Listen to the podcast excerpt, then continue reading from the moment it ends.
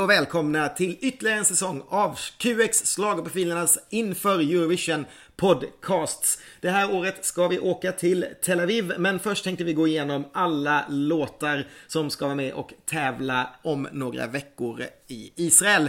Eh, vi är såklart jag som heter Ken Olausson och min kära kumpan i Stockholm som heter Ronny Larsson. Precis som man brukar. Hur är läget? Det är bara bra. Jag har en ordentlig Eurovision-pepp just nu skulle jag vilja säga. Så det känns, det känns superhärligt att eh, sparka igång med de här eh, poddarna. Sent men väldigt lägligt. Ja men precis, det är ju först nu kanske som man behöver dem ändå. Så det här, det här tycker jag blir alldeles, alldeles lagom. Eh, är du pepp på Tel Aviv-resan också? Ja, hyfsat i alla fall skulle jag nog säga. Jag tror att jag var ju där för några veckor sedan och upptäckte att det var väldigt dyrt i Tel Aviv, vilket jag har sagt till varenda människa. Så jag vet inte om det var så bra för Visit Israel att skicka mig till Tel Aviv, för jag är nog ingen levande reklampelare på det sättet. Men det var härligt, det var kul och eh, det var, det var intressant att se, så ska jag säga. Kul! Eh, som vanligt så kommer vi att tycka till om varje låt och vi kommer ju som vanligt ha eh, en gäst i varje program. Och vår första gäst, hon hade en av årets bästa låtar i Melodifestivalen och hon startade sin karriär med att komma topp 5 i Idol. Men framförallt så har hon ju själv tävlat i Eurovision, precis som det här gänget som vi strax ska bedöma eftersom hon vann Melodifestivalen 2010. Välkommen Anna Bergendahl! Tack så mycket! Gud vad roligt att ha dig här. Hur känns det? Hur ska det bli, hur, vad, vad är ditt förhållande till Eurovision nu för tiden?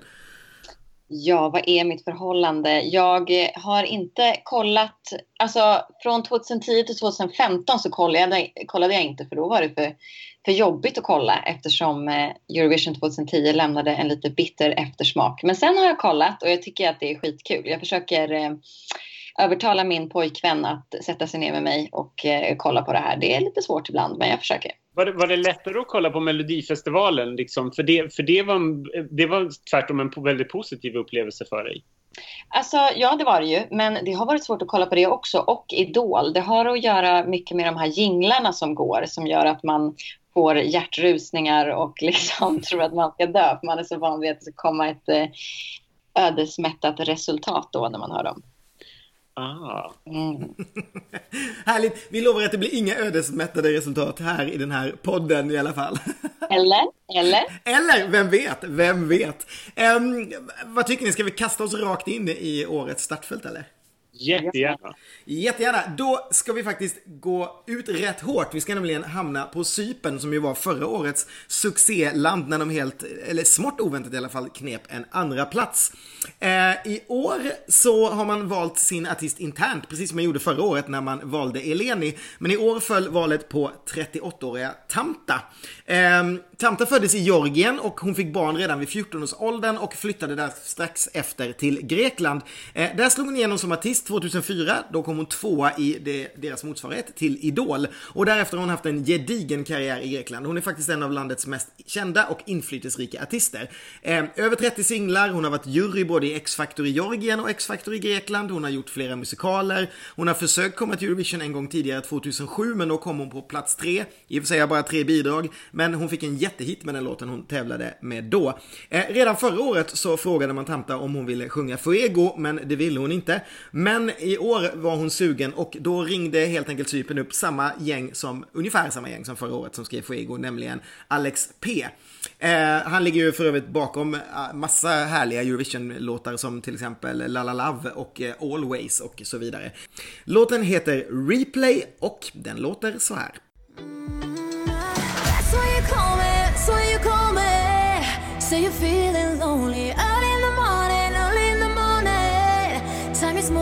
Ehm,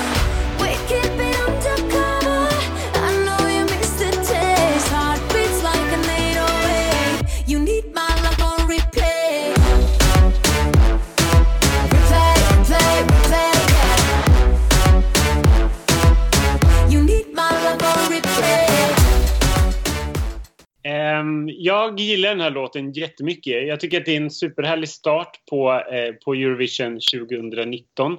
Att den här går ut som första låt i semifinal 1. Det känns helt logiskt också att, eh, att liksom Cypern får chansen så att vi påminns om hur bra det var förra året och hur härligt det är. Den är ju väldigt, den är ju väldigt lik liksom stilmässigt Fuego. Um, det, det jag är lite orolig för är väl kanske att eh, inte är en Eleni Foreira. Eline Foreira känns ju som ett helt eget väsen. Hon lyfte ju Fuego som jag tyckte var bra till liksom himmelska höjder när man såg det på scen. Eh, sen var det ju kanske delvis beroende på Sasha Jean Baptiste också som lyfte numret och tog fram de här fyra dansartjejerna som lyfte allting otroligt mycket. Men eh, det är en, jag tycker att det här är en riktigt bra låt och jag blir lika glad varje gång jag hör den och har lyssnat väldigt mycket på den de senaste veckorna. Eh, jag, bara, jag, är som sagt lite orolig för att Tamta är lite sval. Hon känns lite svalare i sin, i sin blonda page och har inte liksom samma hetta som eh, Eleni Foreira hade. Men med det sagt tror jag att det kommer gå bra. Jag tror definitivt att vi är topp 10 men jag tror inte att den kommer etta eller knäcker, eller vad heter det, kommer på samma placering som eh, Eleni gjorde förra året. Eh, jag ger den här en fyra. En stark fyra. Um, ja, jag kan fortsätta för att vi, vi tycker väldigt, väldigt lika du och jag. Så att det, det är lika bra att jag fortsätter. Jag, jag håller med dig. Uh, jag tycker nog att det här är en bättre låt än Fuego vad jag tyckte om Fuego innan jag såg Fuego om man säger så. Eh, för att jag var inte jätteimponerad av Fuego innan vi kom till eh, Lissabon. Men sen tyckte jag att, att Fuego var helt fantastisk och det var ju den låten jag ville skulle vinna.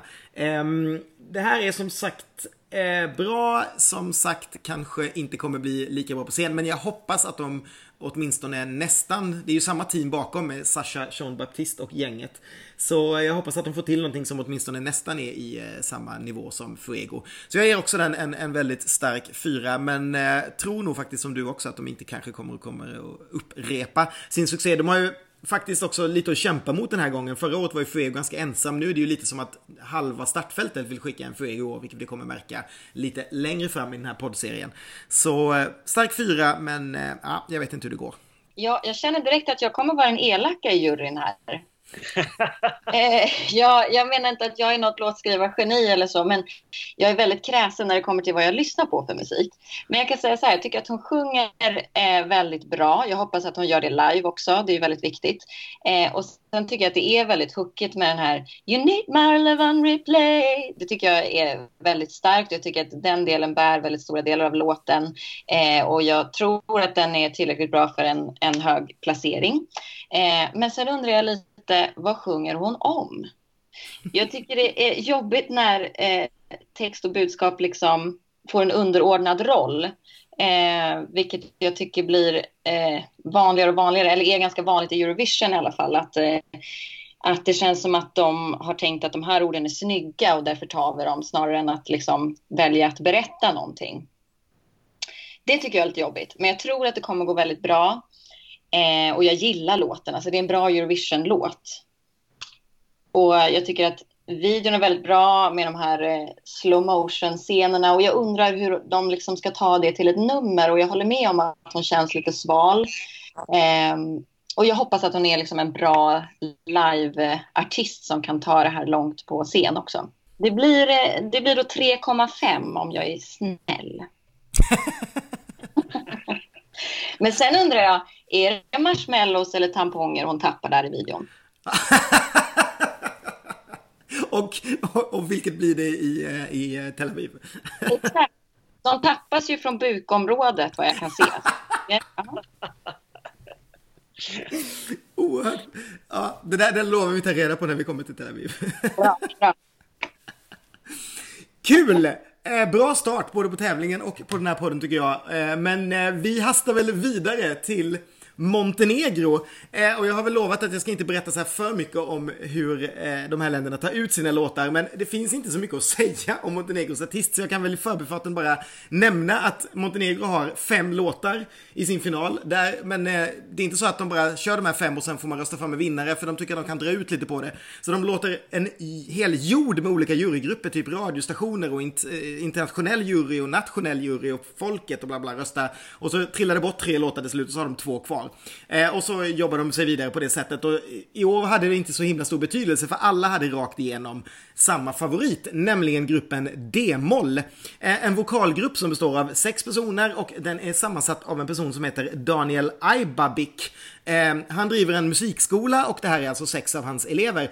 Ali Babik, han tävlade faktiskt själv för Montenegro, eller Serbien Montenegro som det hette då, i gruppen No Name 2005.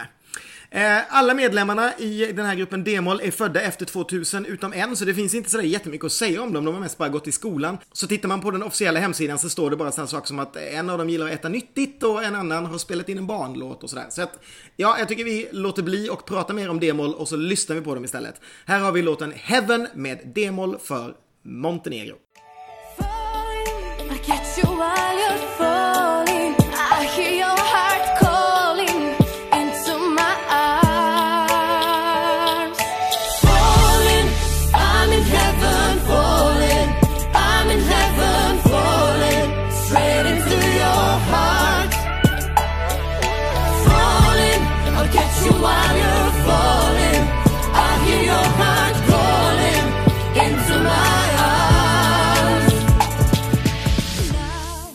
Det var alltså Montenegro.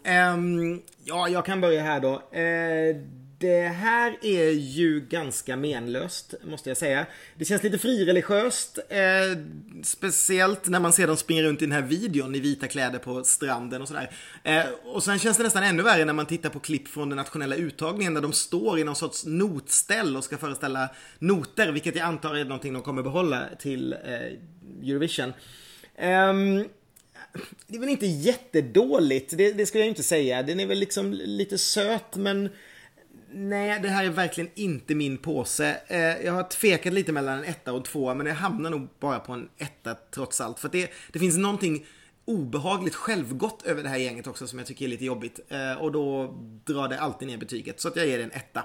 Ja, jag tycker att det är en vacker melodi faktiskt. Speciellt den här hooken med stråkinstrumentet som jag inte riktigt vet vad det är för instrument men förmodligen något eh, traditionellt eh, mont montenegranskt eh, instrument och eh, lite så Titanic-vibbar. Eh, men jag tror inte att melodin är tillräckligt stark för att ta sig långt. Eh, sen tycker jag att produktionen i låten är lite konstig med någon slags eh, funk-synt eh, blandat med folkinslag. Eh, så ja, nej, jag tycker inte heller att den är jättestark. Jag skulle säga två, två och en halv kanske. Ja, först, först så höll jag det här som riktigt dåligt och kanske en, en av de sämsta låtarna i Eurovision. Men sen har den dykt upp varje gång jag spelar eh, den i eh, spellistan på Spotify. Och då inser jag att nej, men jag tycker inte det är så dåligt. Det är småklämmigt sådär. Men sen ser jag de här sex personerna och då tycker jag bara att det är, att det är jobbigt. Jag blir liksom så här, det är för käckt och det är precis som du är inne på Ken. Att det, jag tycker att det det är så självgott. Det är, det, värsta, det är nog det värsta. Jag har väldigt svårt med musiker som känner så här, det här svänger ju och det här är så, vi är så härliga. Och inte liksom bjuder in publiken på något sätt utan det är mer att så här, vi är så härliga och vi tycker att det här är bra så att ni måste måste tycka att det här är bra. Jag tycker inte att det är bra men så dåligt är det inte. Jag ger det här en, men jag ger det här nog ändå en etta i förhållande till allting annat. Yes, nej vi ska inte hålla oss kvar så länge vid Montenegro. Vi hoppar vidare till ett av våra grannländer, nämligen till Finland. Eh, och den åttonde upplagan av UMK, och de behöll samma upplägg som de hade förra året, alltså att de låter en artist sjunga eh, tre låtar och sen så får mm, tv-tittarna välja en av dessa låtar. Eh, i år var det Darude och Sebastian Reimann som sjöng tre bidrag och eh, alla, både juryn och publiken, var rörande överens om att vinnarbidraget skulle heta Look Away. Eh, av en händelse just den låten som de här två killarna hade skrivit tillsammans. 43-åriga Derude, eller Ville Virtanen som han är döpt till då egentligen. Han började göra musik 1995 men fick ju sitt stora genombrott i världen med klassikern Sandstorm 1999. Eh, uppföljaren Feel the Beat rönte väl kanske viss uppmärksamhet men eh, om man inte bor i Finland så får man nog kalla honom ett klassiskt one-hit wonder. Han har dock fortsatt släppa musik i Finland Finland eh, och toppade faktiskt listor långt in på 00-talet. Numera turnerar han mest på festivaler och så är han programledare för ett radioprogram. Med sig på scen kommer han då alltså ha 41-årige sångaren Sebastian Reimann från ett band som heter The Giant Leap. Och Sebastian han är känd i Finland för att han eh, är skådespelare och tv-programledare förutom sångare. Så här låter Look Away med Darude från Finland. I'm the only one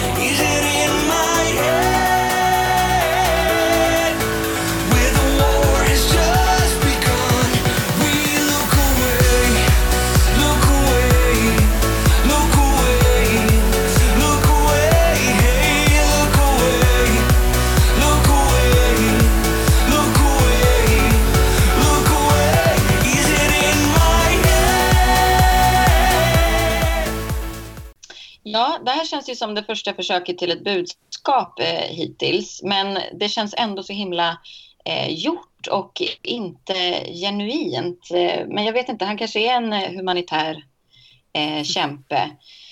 Ehm, jag tror att man måste tänka till lite mer om man ska skriva om att eh, jorden håller på att gå under eller, eller vad det nu är han vill förmedla. Jag tror man måste tänka några varv till. Eh, och jag tror att om den här hade tävlat i en deltävling i Sverige så tror jag inte att det hade gått så bra. Så jag är inte så svag för den här alls. Det blir eh, en etta, tror jag. Ja, ehm, jag tycker att... Jag tycker jag fick bilden av att, så här, att, det, att det var ganska dålig uttagning i Finland. Jag har tyvärr inte sett de två, de två låtarna som valdes bort. Och så var, när, när jag hörde den här första gången så bara, aha, det blev inte bättre än så. Men sen varje gång som, som, den, som den här dyker upp i min spellista då, som jag nämnt flera gånger, så blir jag alltid lite så här, men det här är ju bra. Jag tycker om det här. Ehm, men sen så, den är ju väldigt generisk. Det händer ju inte så mycket i låten överhuvudtaget. Den, jag tycker att den, den, den funkar i all sin enkelhet men den kommer inte ta sig någonstans i, i det här sammanhanget tror jag. Ehm, det är mycket möjligt att för den bara pågår på något sätt. Det händer inte så mycket, det händer inte så mycket i låten men med det sagt inte att den är, är dålig liksom. Men den hade behövt lyfta. Jag hade velat skicka den här till en producent som vet vad han ska göra av den. För, um, och sen tycker jag att sången är ganska karismatisk ändå. Um, jag fick också bilden av att han är en riktig ladies man när jag var med John Lundvik i eh, London nu senast. För då satt den här Sebastian med en gitarr i handen och, och, och de kvinnliga deltagarna i Eurovision-gänget flockades kring honom medan han sjöng House of the Rising Sun. Nej! Ja, men lite... Det var så här, pub, pubklassiker liksom, deluxe liksom. Och han kände, så här, han kände som någon som liksom... Ja, men, är en ladies man helt enkelt och han vet hur han ska förfara. Varför var inte jag på den efterfesten i London? Ja, men var du på efterfesten? Nej. Ja, men då missar du någonting. Längst in i den här lokalen så fanns det, så fanns det tre stycken sängar som folk satt i. Väldigt, liksom, I ett jätterött rum. Jättemärkligt. Och han ledde på något sätt den här efterfesten och så satt liksom irländskan kommer jag ihåg satt väldigt, väldigt nära honom under kvällen. Liksom. Hon var väldigt förtjust i. Oj, skvaller. Ja, skvaller. Mm. Jag ger det här ändå en svag trea. För jag tycker att det är en, ja, men jag tycker en helt rimlig låt. Ja, så pass. Jag går mycket mera på Annas spår kan jag säga. Jag tycker att det här är... Jag tycker att det är menlöst och menlöst är värre än dåligt egentligen. Jag tycker det är bättre att vara riktigt dålig än att vara riktigt menlös. Det här är liksom inte ens en... Det är inte ens en halv Avicii. Det är liksom en halv Stockholmsvecka på Gotland. Det är så här totalt generisk liksom eh, EDM som liksom knappt finns längre. Eller jag, jag, är också väldigt, väldigt trött på hela den här genren. Och House of Rising Sun gjorde inte saken bättre. Det verkligen bankade fast mitt betyg som också kommer bli en etta. Um, nej, och dessutom så tror jag att Estlands låt som kommer komma senare, jag tror att den kommer äta upp den här låten. Uh, som är, den är ungefär samma genre. Så jag tror det blir jättesvårt för Finland i år att uh, ens gå till final faktiskt. Eh, och med rätta, de måste göra bättre än så här och de måste välja starkare artister än så här. Ska man, ska man vara Darude då får man ju, då får man ju göra någonting som liknar Sandstorm. Det är väl därför de har valt honom. Det går ju inte att välja någonting som, nej, det här, det här köper jag inte. Så, nej, tack och hej Finland säger jag. En etta! Nu har inte Anna jag har hört House of the Rising Sun då, det, det är väl kanske därför. Nej, det kanske var fantastiskt. Ja, vi skulle varit där. vi skulle varit där. Um, Ja, nej men vi, vi lämnar Finland och så hoppar vi till ett annat land, nämligen Polen. Och de valde också sin artist eh, helt internt, precis som eh, det finska tv-bolaget. Men eh, till skillnad från Finland så fick eh, artisterna här välja eh, sin låt själva. Eh, gruppen de valde var en nybildad folkmusikgrupp som heter Tulia och deras låt heter Fire of Love. Jag ska inte ens försöka uttala det polska namnet. Eh, och jag ska inte heller eh, försöka uttala de här fyra tjejernas namn utan det är fyra polska tjejer och eh, en av dem heter Tulia och det är därför gruppen har fått ta sitt namn efter henne.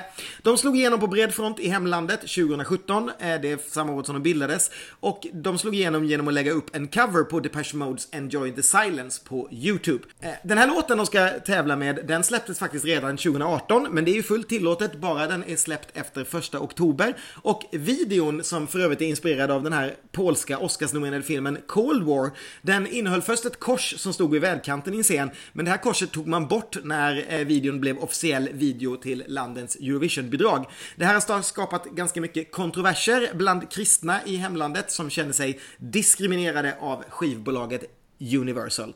Vi får väl se om någon av oss känner oss diskriminerade när vi kör igång Tulia och Fire of Love för Polen.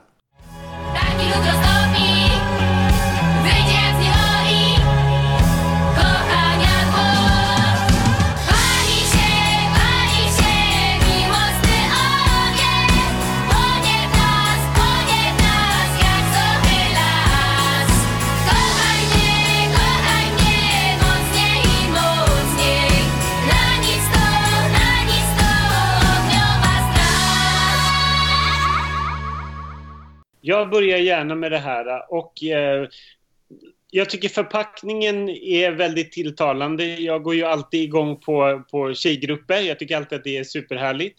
Men jag blev ju så besviken när jag hörde det här. Den börjar lite så här, ja ah, men det här kan nog bli någonting. Men sen så blir det bara liksom tattoo fast pubrock. Det blir bara så här dåligt. Just det här rockanslaget funkar inte alls på mig. Jag tycker att det är bara irriterande. Den har, jag gillar sättet de sjunger på, det här lite skrikiga liksom. Det tycker jag är ganska kul. Men, med, men melodin är ju, är ju faktiskt rent utav vedvärdig för mig. Det här är riktigt dåligt. Jag ger det här en solklar etta. Kul, ja, då fyller jag i här för att det, det, här var roligt för att vi tycker nog ungefär samma sak. Jag gillar också det här, de här fyra folkklädda brudarna. Jag tycker det är ett ascool koncept. Och jag blev också lite besviken på låten för jag hade också hoppats, alltså jag tycker det här sättet de sjunger på blir ju verkligen svincoolt när man hör Enjoy the Silence och de här låtarna de har gjort. Um, och jag tycker också att låten är entonig, den är, den är väldigt jag har inte något emot rockanslaget, men däremot tycker jag inte det händer så mycket i den. Och det är inte, inte så att det, liksom, det ska vara tre minuter med nya spännande saker som händer hela tiden, men när de sjunger på ett sånt entonigt sätt så hade det gärna fått hända lite annat i låten, eh, tycker jag. Så jag hoppas att de gör någonting roligt på scen, för annars tycker jag det, det är också rätt kul att de bara står liksom stenstilla och bara stirrar rakt fram. Men om de står stilla och låten står stilla och de sjunger entonigt så blir det ju liksom jag vet inte då, hur de ska lyckas eh, så.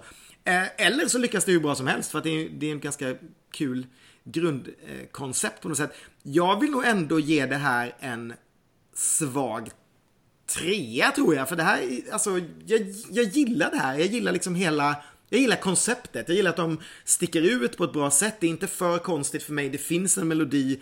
Men jag hade nog kunnat tycka mycket, mycket bättre om det om det hade liksom varit lite mera, eh, en bättre låt. Men en trea får det ändå av mig. Jag vill bara flika in att jag vill ge den här låten det stora Hanna och Lina-priset. Det betyder alltså att låten, låten på utsidan ser mycket mer tilltalande ut men sen hör man låten och så blir man jättebesviken. Hanna och Lina-stipendiet. Underbart. Jag håller med dig Ken. Jag tycker att den här är intressant. Jag tycker det finns en cool punkkänsla. Jag tycker videon är cool och eh, jag läste på lite. Jag vet inte om det här är fake facts men Tydligen så ska hon sjunga på ett sätt som heter eh, White Voice som är traditionellt för södra bergsregionerna i Polen. Eh, och de har ju de här traditionella folkdräkterna på sig också vilket jag tycker känns som en eh, frisk fläkt och en bra motvikt till eh, eh sexualiseringen av många artister eh, i Eurovision Song Contest Eh, men också utanför. Så jag tycker det känns intressant. Eh, och de sjunger på polska och då blev jag lite intresserad. Vad sjunger de egentligen? Och de sjunger Fire, fire, fire of love. It's burning within us, it's burning within us. Like a dry forest. Love me, love me, more and more. All for nothing, all for nothing. There is no need for a fire brigade. Eh, och summa summarum för mig, jag tycker det är intressant men jag blir inte berörd. Men jag tycker det är en frisk fläkt och jag vill ge det en trea, jag med. Quero to say a PS4. jag tycker vi, vi börjar jättebra jurygäst äh, här skulle jag säga. Jag tycker det här känns hur bra som helst. Tack. Suveränt. Då lämnar vi Polen och hoppar vidare till det lilla alplandet Slovenien. Jag gillar alltid att säga att det är ett alpland, för det låter liksom inte som ett alpland, men det ligger i Alperna. Eh, årets artist från Slovenien, den valdes för 23 gången i ordningen med ett format som kallas kort och gott EMA. Eh, live på TV så sållade man ner tio bidrag till bara två eh, med hjälp av en jury. Tittarna fick inte vara med alls, men de här två sen fick tv-tittarna rösta på. Och med 73% av rösterna så vann duon Salah Krail och Gasper Santl med sin låt Sebi. Eh, den här duon då kallar sig ibland för Salla Gasper, alltså de har satt ihop sina namn. De träffades 2017 via Instagram, eh, för Gasper hade sett en video med Salla och tänkte att den här tjejen, hon ska funka bra som sångerska på mina låtar. Den första låten de skickade blev en stor framgång och då bestämde de sig för att gå ihop som en duo. Eh, här är låten CB med Salla Krajl och Gasper Santl från Slovenien. Kot Jezgrim stokom in se mu upiram. Vedno se ne vidi zvez Samo sanje sebi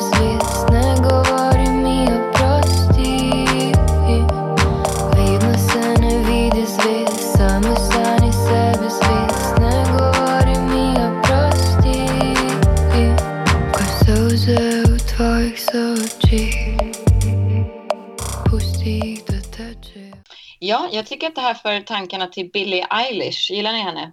Älskar mm. Billie Eilish. Ja. Jag tycker det är minimalistiskt och eh, coolt och jag förstår ju såklart inte texten men jag tycker det är ett bidrag att vara stolt över. Det är liksom inget publikfrieri, det är ingen crowd pleaser, det är inget försök till att skriva en vinnarlåt. Eh, det känns som att de har gått på feeling och låtit musiken komma till dem snarare än tvärtom. Eh, så jag tycker det här är, jag tycker det är väldigt bra. Jag tror inte att det kommer gå långt i Eurovision, men jag tycker att eh, med, med heden i behåll har de gjort det här och eh, skulle nog vilja ge en fyra ändå faktiskt. Eh, jag håller med Anna delvis. Jag tycker att det här är bra. Jag blev, jag blev nog lite så här, oh, vad är det här för något jobbigt när jag hörde det första gången. Och jag tyckte att hon, hennes så här trånande titt på honom var så här provocerande. Det var, det var liksom så här, det kändes som en så här jobbig högskoletjej som bara trånade efter den här coola indiesnubben som, spe, som spelar ett instrument som, som inte är så intresserad utan han vill hellre liksom gå till sängs med sin gitarr. Men eh, jag tycker att det är en... Jag, jag gillar den här låten. Den liksom varje gång jag hör den så blir jag bara... Det är någonting som så suger tag i mig. Eh, jag tror däremot att det kommer gå riktigt bra för jag tycker den här sticker ut ordentligt i startfältet. Eh, och gör de bara den här grejen som jag störde mig på så tror jag att det kan bli väldigt så här, intensivt och det blir som ett, de bygger upp ett eget litet rum på scenen i alla de här stora tilltalen på olika sätt där folk formar sig som instrument och det är liksom folk som klättrar på väggar så är det bara de två och den här lunkande härliga låten. Eh, jag ger det här en fyra och jag tror definitivt att det här kommer sluta på topp 10. Gud vad roligt, jag tycker exakt som båda ni två ihop. Och jag kommer också ge den fyra, det kan jag säga redan nu.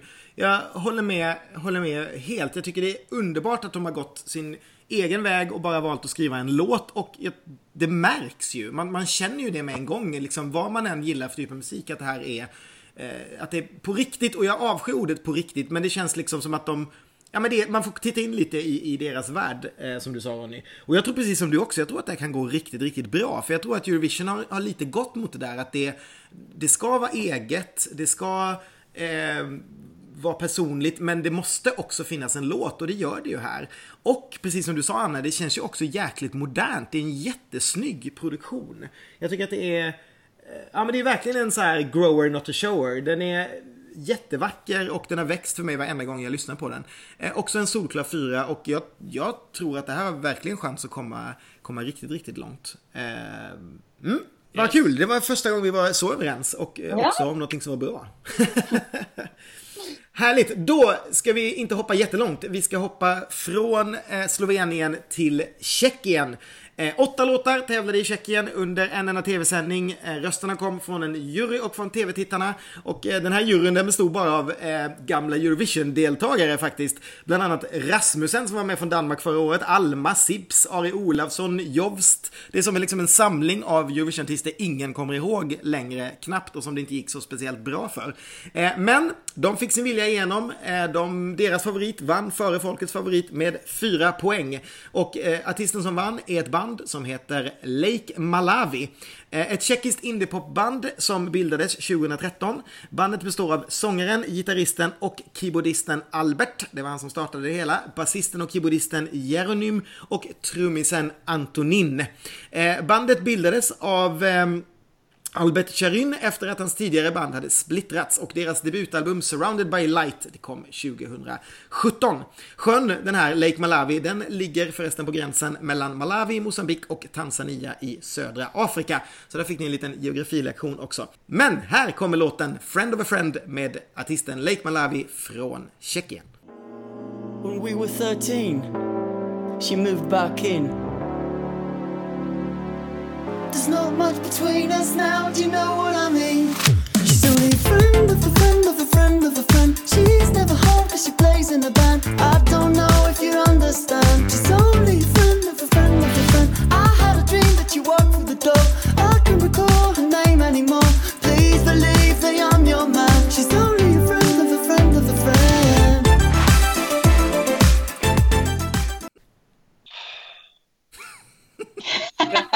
Det här är årets sämsta låt i mina öron. Det här, det, här är en kat, det här är en musikgenre som jag verkligen avskyr av hela mitt hjärta. Det här äh, soul, indie-poppigt, soul-funkigt, studentikost. Eh, det är så här larvigt bara. Åh, åh, nej. Nej. Jag tycker så illa om det jag, liksom, jag, jag, det vill säga, jag har ingenting positivt att säga om den här låten alls. Det är liksom så här tusen resor sämre än vad Alexander Rybak försökte göra förra året tycker jag. Det nej, jag, jag vet inte vad jag ska säga. Jag blir bara så provocerad över det. Och så just det här, lite så här småsköna killar också som bara trallar loss på, på scenen och tycker att de gör musik på riktigt. Nej, bort! Jag ger det här en solklar nolla. Eh, jag tycker den här är trallvänlig. tycker den är pigg och lite eh, quirky. Jag tycker han sångaren verkar eh, kul. Men jag tror inte att det är någonting som slåss om toppstriden. Och sen så fattar jag inte texten heller. Han, han hör grannarna ha sex och sen pratar han om en granne som han hade när han var 14 och att det bara är en vän till en vän till en vän till en vän. Så där, där blir jag riktigt besviken. Och, eh, men i övrigt tycker jag faktiskt att den är kul. Jag skulle nog säga två och en halv, tre. Jag eh, tycker, alltså det här, jag har haft en liten resa med den här låten måste jag säga. För jag borde gilla det här, till skillnad från Ronny så är ju det här lite min typ av musik. Och jag gillar också att Tjeckien satsar lite så här ungdomligt. Det gjorde de förra året också och då gick det jättebra. Det tror jag inte att det här kommer gå lika bra som, men, men det är kul att de kör på det spåret. För det gick, de skickade så mycket eh, märkliga saker ganska länge och det gick väldigt, väldigt dåligt för dem. Men mm, när jag sagt det, det är någonting i den här hooken som stör mig. Alltså hela den här friend over friend grejen. Som jag ju förstår är liksom, ja men det är ju själva grejen med låten, men den, den äter mig. Jag, jag, klarar inte av den. Plus att jag inte klarar av hans fake-engelska. Jag vet aldrig att det där är hans vanliga engelska liksom, dialekt. Utan det där är någonting han lägger till sig när han sjunger för att han har tittat för mycket på gamla videos liksom med, med Blur. Um, så det är, lite, det är lite för mycket saker som, som stör mig fast jag egentligen inte tycker att det är något större fel på låten mer än just hooken. Eh, så det blir bara en, en tvåa från mig. Men jag tycker inte att det är liksom det är bara just i hooken jag vill slita av mig öronen. Annars så tycker jag att det är helt okej. Okay. Och jag tror att Tjeckien faktiskt kommer komma till final eh, i år också. Då hoppar vi vidare till Ungern. Eh, som jag ju alltid hoppas ska vinna eftersom jag älskar Budapest och hoppas att vi ska få komma dit. I Ungern så använder man för åttonde gången den ungerska uttagningen Adal. Eh, och den har lika många deltävlingar som Melodifestivalen fast man lägger upp det lite annorlunda med tre deltävlingar, två semifinaler och en final. Eh, det viktiga att veta är väl egentligen att man har 30 bidrag från början och det här sållar man ner då med hjälp av en expertjury och tv-tittarnas röster tills det bara är åtta bidrag kvar i en final. Eh, och där var både juryn och folket överens om att nu var det dags att skicka landets Eurovision-representant från 2017 en gång till, nämligen 37-åriga Jussi Papai. Eh, Jocki Papai. Kommer du ihåg hur det uttalas Ronny? Var det Jocki? Jocci? Jocci? Ja, det här med namn. Jocci Papai gjorde stor succé med sin Origo när vi var i Kiev. Hans andra plats i semifinalen, den tangerar landets bästa placering i en semi genom tiderna och hans åttonde plats i finalen, den har bara toppats två gånger av Ungern tidigare. Han hade haft några hits i hemlandet innan han vann 2017, men efter det så har karriären verkligen tagit fart och han har blivit en ganska välkänd artist i Ungern. Låten, den har han skrivit själv den här gången och den här gången handlar det om hans far som var ledare för en stor romsk orkester. Eh, låten heter Azem Apam, förlåt för min ungerska, och artisten heter Yochi Papai.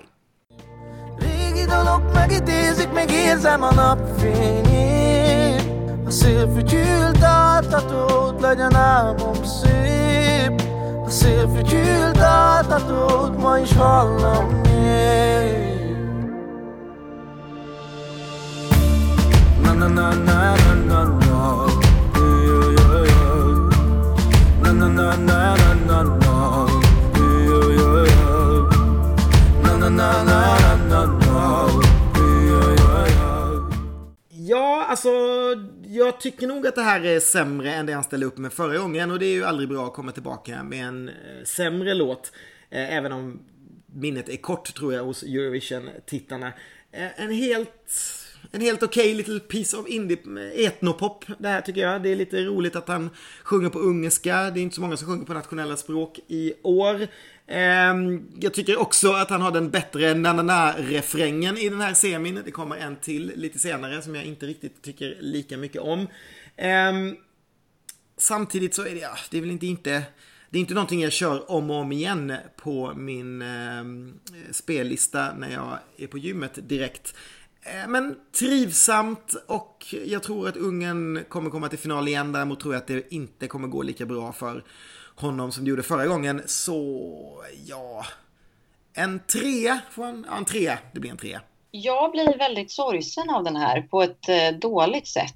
Nästan lite deppig. Jag tycker det händer inte så mycket. Produktionen är väldigt enkel, vilket jag brukar gilla, men jag tror att den är för enkel för Eurovision och jag tycker aldrig att det riktigt eh, lyfter. Jag blir, eh, jag blir ledsen. Jag, alltså, den är ju på sätt och vis vacker, men jag blir ändå eh, eh, sorgsen. Eh, jag skulle väl ge det en, en och en halv.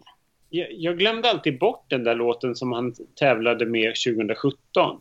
Eh, på något sätt. Men, och, men när jag hörde den så blev jag så här, ja ah, just det, men det var den här, det var det här liksom med ganska, med, med så här folktoner för att den, och den stack ut på det sättet. Så jag förstod att den placerade sig ganska bra, även om det kanske inte var min påse. Den här tycker jag också är liksom, jag blir också så här, sorg, den, den känns så här sorglig men den är rätt intetsägande. Jag, liksom, jag berörs inte av den alls. Jag, det här är en av de liksom, tre, fyra låtar i år som jag alltid glömmer bort. Kan aldrig komma på liksom, vad är det ungen skickar för någonting. Jag tycker att det är, jag, jag tror precis som ni har sagt tidigare att jag tror inte alls att det här kommer gå så bra. Jag tror att det absolut kan tas till final för att det ändå sticker ut och sånt här, sånt här brukar ju ändå funka ganska bra. Eh, vemod på, på liksom hemspråk tänkte jag säga, men på, på ett eget språk. Ehm, så det kan, det kan nog liksom bli nedre halvan i, i finalen, men det skulle kunna gå till final. Ehm, ja, så jag ger det här en, en tvåa, men en väldigt så här, svag tvåa. Det är, det är väldigt blekt tycker jag. Jag tycker inte alls att det sticker ut. Den har liksom ingenting speciellt, tycker jag. Ehm, sen, sen vill jag också bara rätta, rätta min eh, mitt uttal och vårt uttal. För det är han, han, hans namn heter är Jotsi, inte Jotsi som vi sa tidigare, utan Jotsi. Uttalar man det. Det Rätt ska vara rätt. Rätt ska vara rätt. De, de här poddarna är ju ett VM i mig i dåligt uttal från min sida. Jag har ju inte övat här namnen innan, vilket alltid märks när jag sätter mig ner och kör in och ska prata om de här namnen i podden. Eh, det kan bli hur som helst kan man säga. Så grattis till de länderna där jag lyckas uttala eh, namn rätt. Eh, men inte här alltså, men nu vet vi det. Jotchi. Okej. Då ska jag komma ihåg det. Eh, vemod, hemspråk, vad sa du? Vemod på hemspråk. Det var ju jättehärligt, det låter som ett bra tv-program. Med Fredrik Lindström. Ja men precis! Vemod på hemspråk. Där man på så här ledsna människor som på dalmål berättar om någonting. Underbart. Då lämnar vi Ungern och åker vidare till Vitryssland. 73, bi- 73 bidrag tog man ut till en tv-sänd audition i februari och därefter så valde man 10 av dessa bidrag till en final. Vinnaren valdes med 100% juryröster. I Vitryssland får man inte ringa in. Och vinnaren Zena, hon gjorde nästan en komplett John Lundvik för låten Like It fick 6 av 7 möjliga tior. Eh, den sista jurymedlemmen gav henne bara en nia.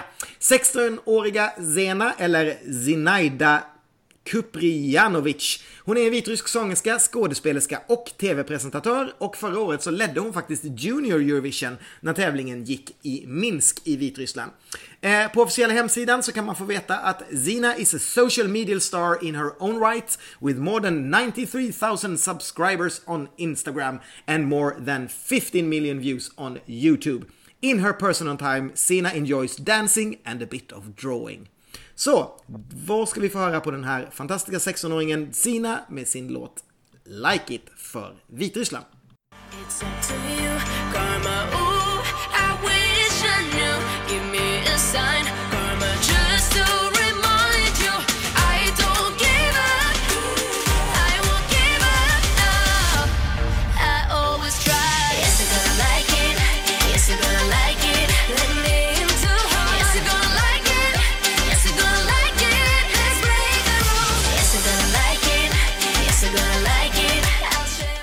Ja, jag visste inte att hon var 16 år eh, bara. Det är ju coolt och hon sjunger bra.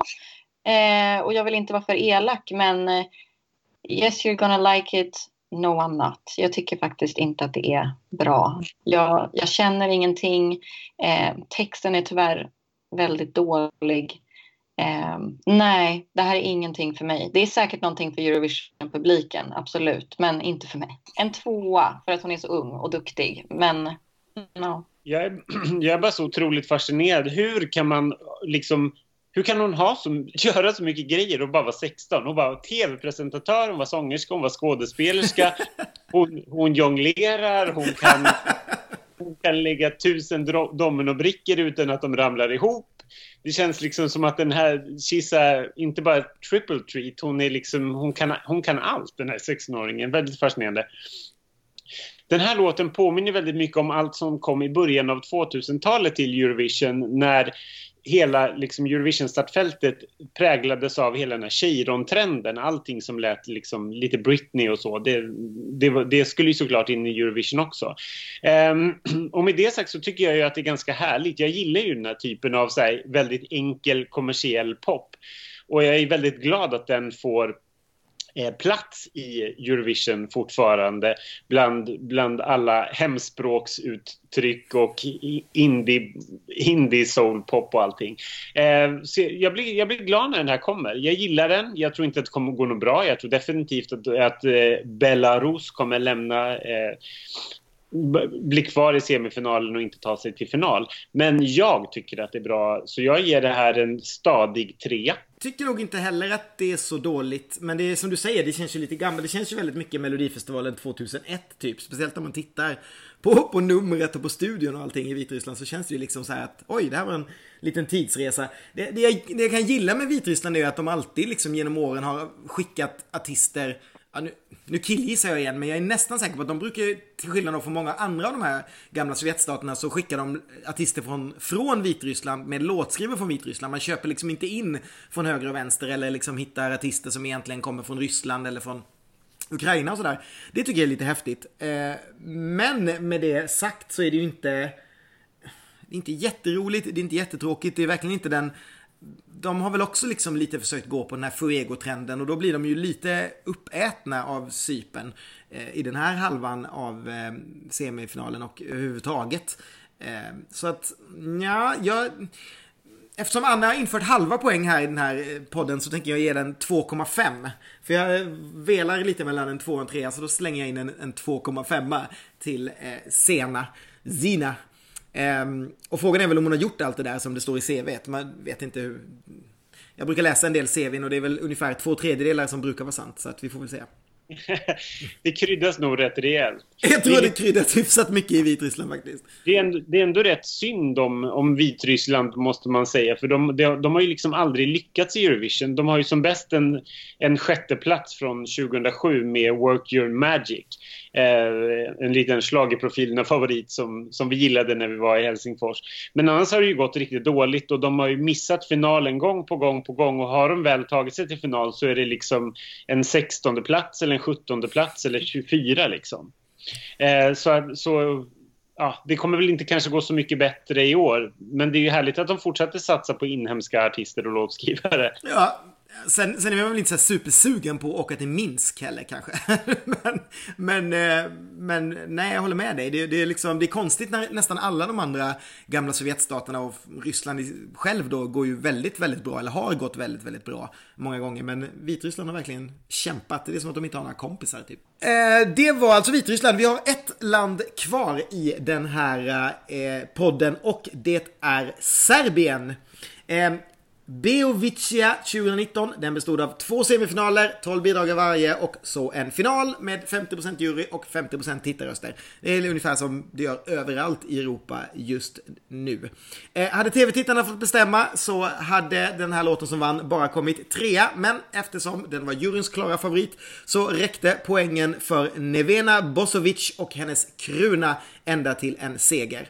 Eh, 24-åriga Nevena, hon är ingen nykomling i Eurovisionvärlden. 2007 så slog hon igenom som 13-åring då hon kom trea i Junior Eurovision. Och i Malmö 2013 så var hon en tredjedel av gruppen Moje 3 som föll precis på målsnöret i semin när deras Jubav Jesvuda hamnade på en elfte plats i sin semifinal. Eh, när hon var med i Malmö så var hon den första faktiskt som hade deltagit både i Junior Eurovision och i Vuxen Eurovision. Så nu är hon väldigt rutinerad när hon ställer upp för Serbien. Här är Nevena Bosovic med Krona som betyder krona. Nej!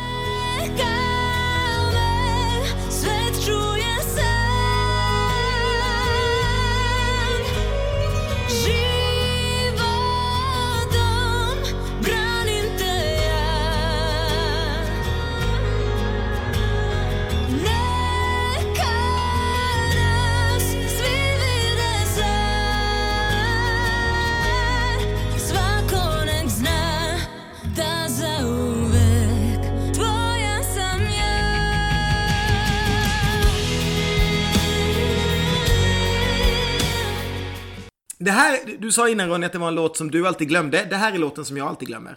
Eh, och det finns flera sådana låtar som jag alltid glömmer skulle jag säga, men, men det, här är, det här är en av dem. Däremot blir jag alltid lite positivt överraskad när jag kommer ihåg den, för jag tycker att den är så här.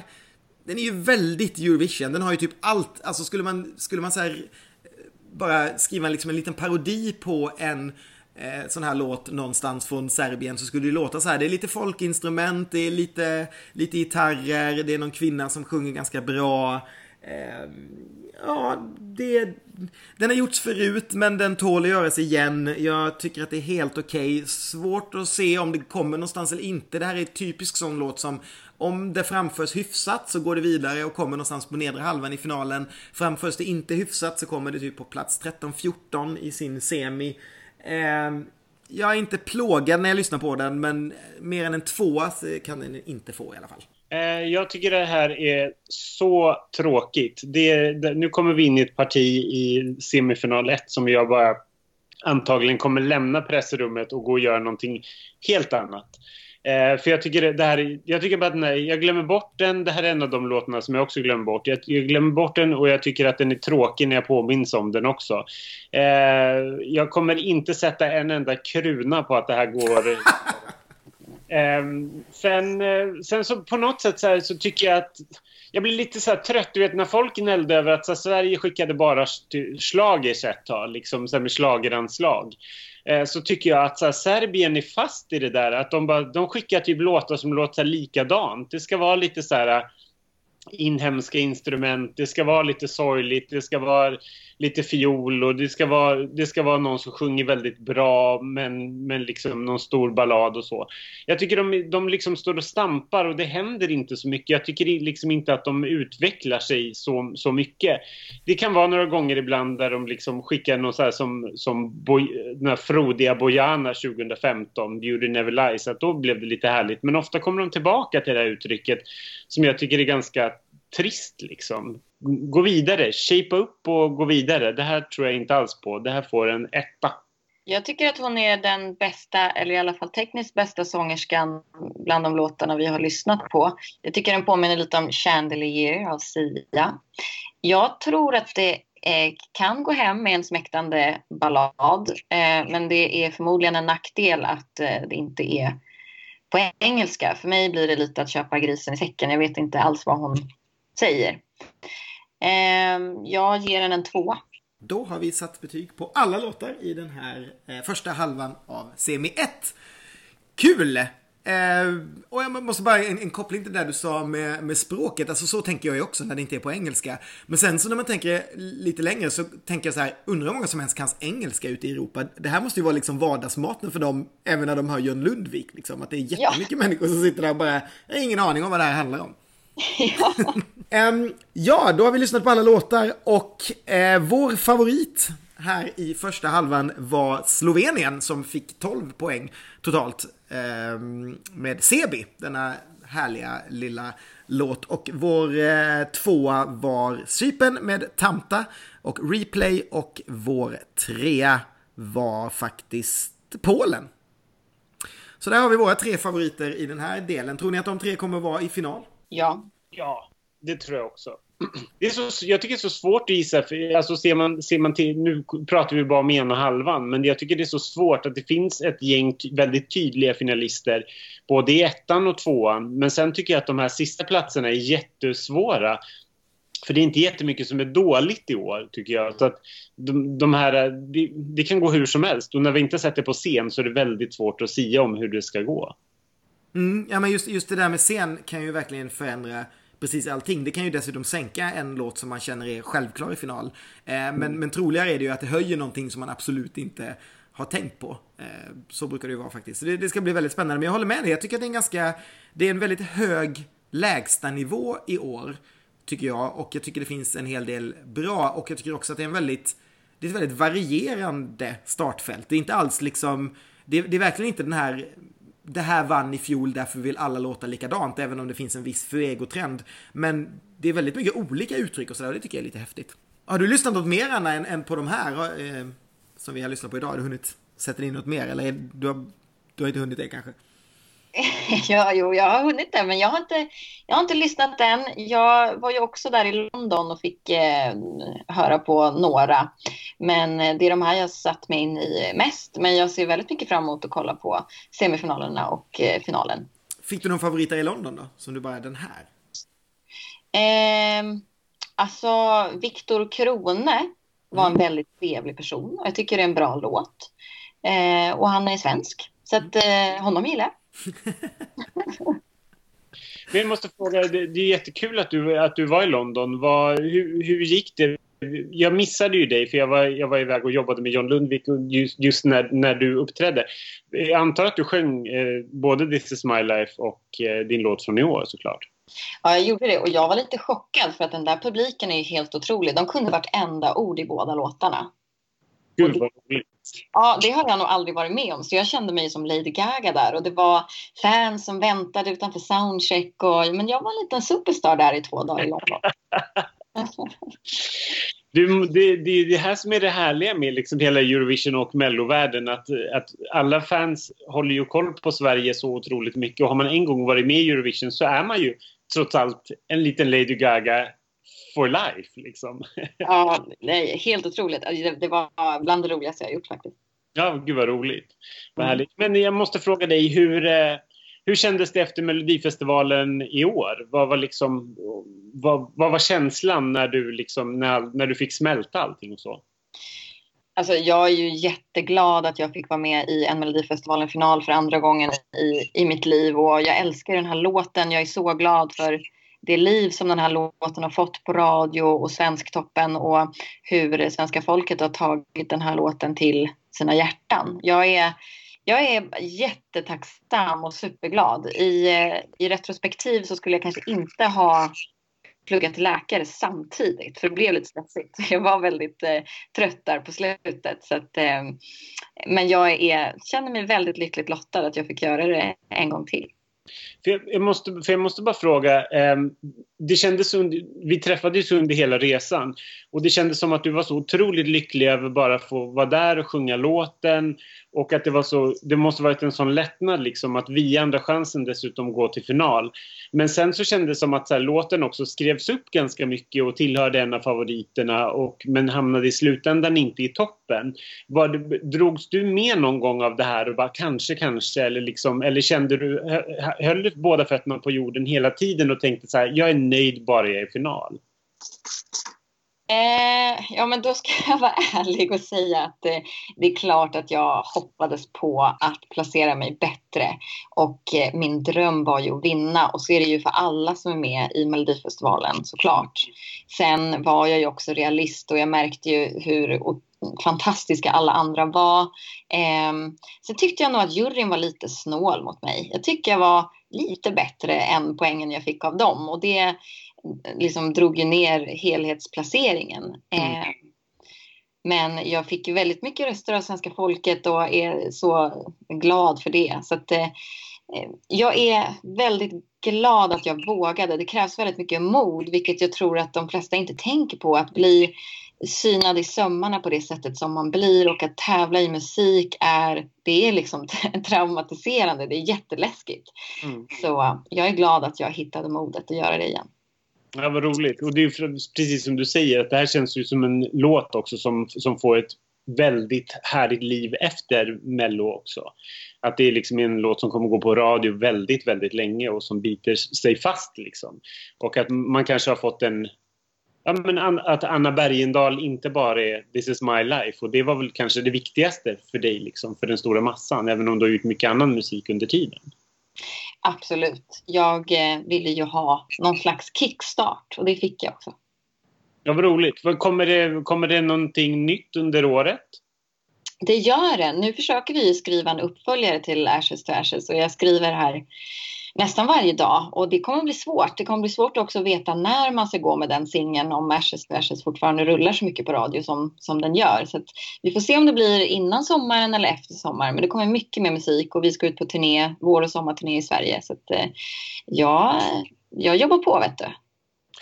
Kul att höra. Vi är otroligt glada att du jobbar på och att du var med i podden. Det var väldigt roligt och det är alltid extra kul med någon som har verkligen pluggat och läst på och lyssnat på låtarna och till och med vet vad texterna betyder. Det tycker jag var jätteimponerande.